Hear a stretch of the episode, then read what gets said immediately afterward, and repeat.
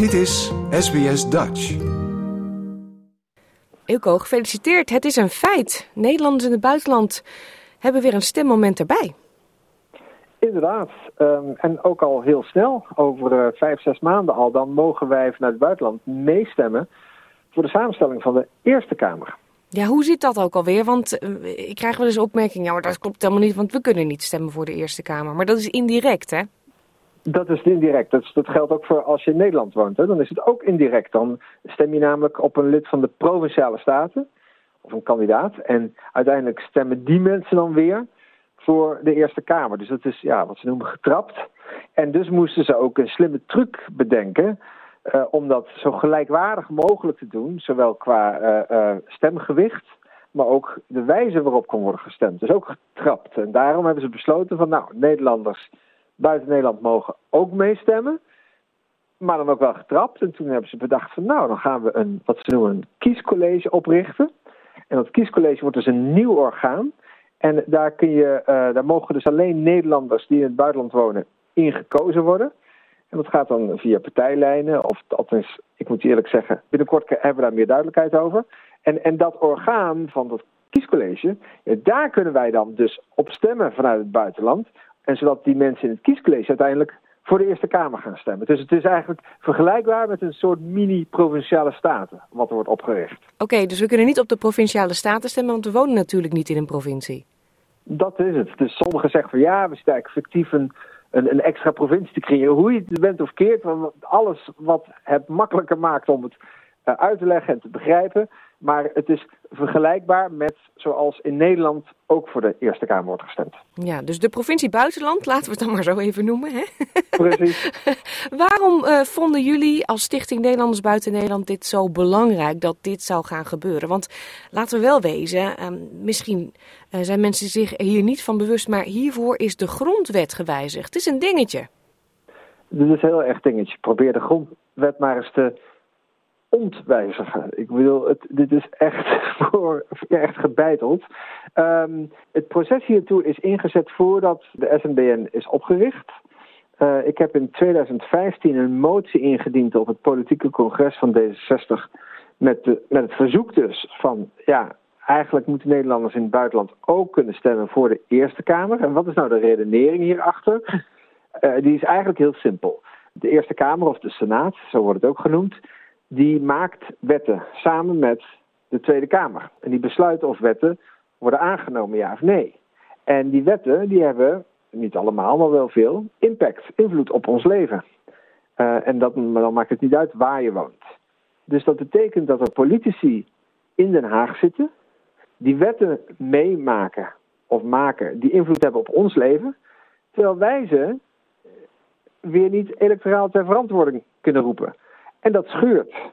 Dat, dat, dat, dat klopt natuurlijk niet. Dus dat is eigenlijk een soort ja, een fout. En die is nu rechtgezet. Ik zeg niet dat het een opzettelijke fout was. Het is gewoon, zo was de systematiek. Hmm. Maar nu is dat verbeterd. Daar zit nog een tweede argument bij.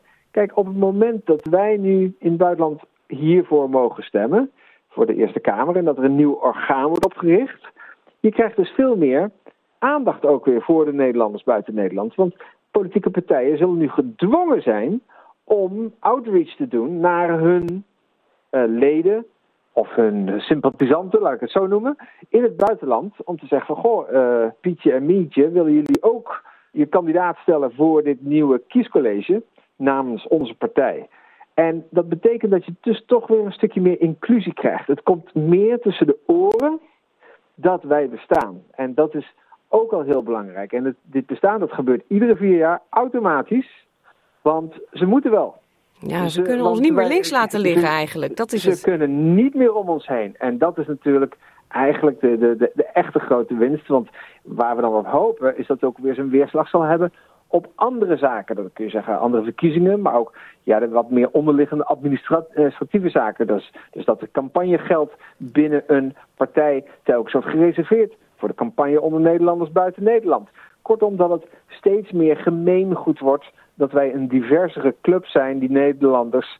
Uh, en dat we niet alleen maar wonen op dat mooie stukje land dat Nederland heet. Ja, um, het is voor jou nu nog net uh, dinsdagavond. Het was een mooie dag voor jou daar in, uh, in Nederland.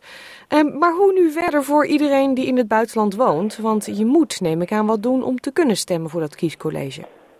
Ja, dus, dus twee opmerkingen hierover. En je zei het zelf al, je moet inderdaad iets doen. Ten eerste omdat het een nieuwe soort verkiezing is, die ja, totaal nieuw is, bestond nog niet. Moet iedereen zich eenmalig registreren. Dus als je denkt van, oh, maar ik stond wel ingeschreven, ik stond wel geregistreerd voor het Europees Parlement of de Tweede Kamer, dus het zal wel niet hoeven. Fout, u bent af. Uh, ga terug naar start. Dus je moet echt opnieuw je even registreren. En je krijgt een uitnodiging als goed is van Den Haag. Maar je kunt het zelf ook al opzoeken. We hebben de link al een paar keer in de nieuwsbrief gezet. En dan kun je gewoon dat proces in werking zetten. En eigenlijk betekent dat je een formuliertje moet ondertekenen, uh, uh, uitprinten, ondertekenen, en je moet het versturen. Uh, kun je foto's maken. Dan Fijn, dat mag, kan, kan lekker digitaal, hoor ik. Je, het kan, ja, je, moet, je hebt een printer nodig. Dat is ja. eigenlijk wat je alles over en, en een internetconnectie. En het moet weer opsturen. Ja. Precies, inderdaad. Dus dat is één. En dat is superbelangrijk, anders kun je niet eens stemmen. Uh, twee, en dat zijn eigenlijk meerdere vragen van ja, maar ja, stel je wilt deel uitmaken van het nieuwe kiescollege. Hoe kom je daar dan in? En hoe gaat het stemmen dan op die leden? Dat zijn allerlei vragen waar wij de antwoorden ook nog niet op hebben. Dus wij hebben contact gezocht met Bureau Verkiezingen in Den Haag. Zij zijn uh, zorgplichtig voor het hele administratieve gebeuren, dus het hele verloop van de verkiezingen. En we hebben hen gevraagd van jongens, jullie weten de, de, de, de antwoorden beter en waarschijnlijk de vragen ook nog eens beter te stellen. Dus kom binnenkort eens langs, virtueel, in een, um, in een webinar om dit één voor één toe te lichten. En dat hebben ze uh, toegezegd. En dat hebben we vandaag ook in onze nieuwsbrief gezet. En om uh, op maandag 31 oktober om half twaalf ochtends Nederlandse tijd. En uh, dat even uit mijn hoofd van. Volgens mij is het dan een uur of negen bij jullie, s'avonds. Uh, acht, negen. Uh, dat hebben we expres zo gedaan. De vorige keer was het webinar voor jullie midden in de nacht. Dus nu hebben we dit webinar naar voren geschoven, zodat juist jullie gedeelte van de wereld het op een beetje uh, normaal tijdstip kan volgen. Ja, en inderdaad, einde middag, avond, inderdaad, afhankelijk van waar in Precies. Australië woont. Ja, helemaal goed. Maar, maar iedereen kan het terugkijken natuurlijk, hè, want we gaan het opnemen. Ja. Toen gaan we terug naar 2015, toen jij de motie indiende. We zijn nu, zeven jaar verder. Had je dit ooit kunnen dromen? Dat het zo snel zou gaan? Nee. Als je naar de regels kijkt, is het ongelooflijk snel gedaan. Dit is eigenlijk democratische vernieuwing in sneltreinvaart. Ja, op naar het volgende hoogtepunt, uh, Eelco, met de stichting. Dankjewel. En uh, we zetten de links naar jullie website met alle informatie en de webinar aanmelding pagina op onze website www.sbs.com.au Dutch. Dankjewel. Dankjewel. Like, deel, geef je reactie. Volg SBS Dutch op Facebook.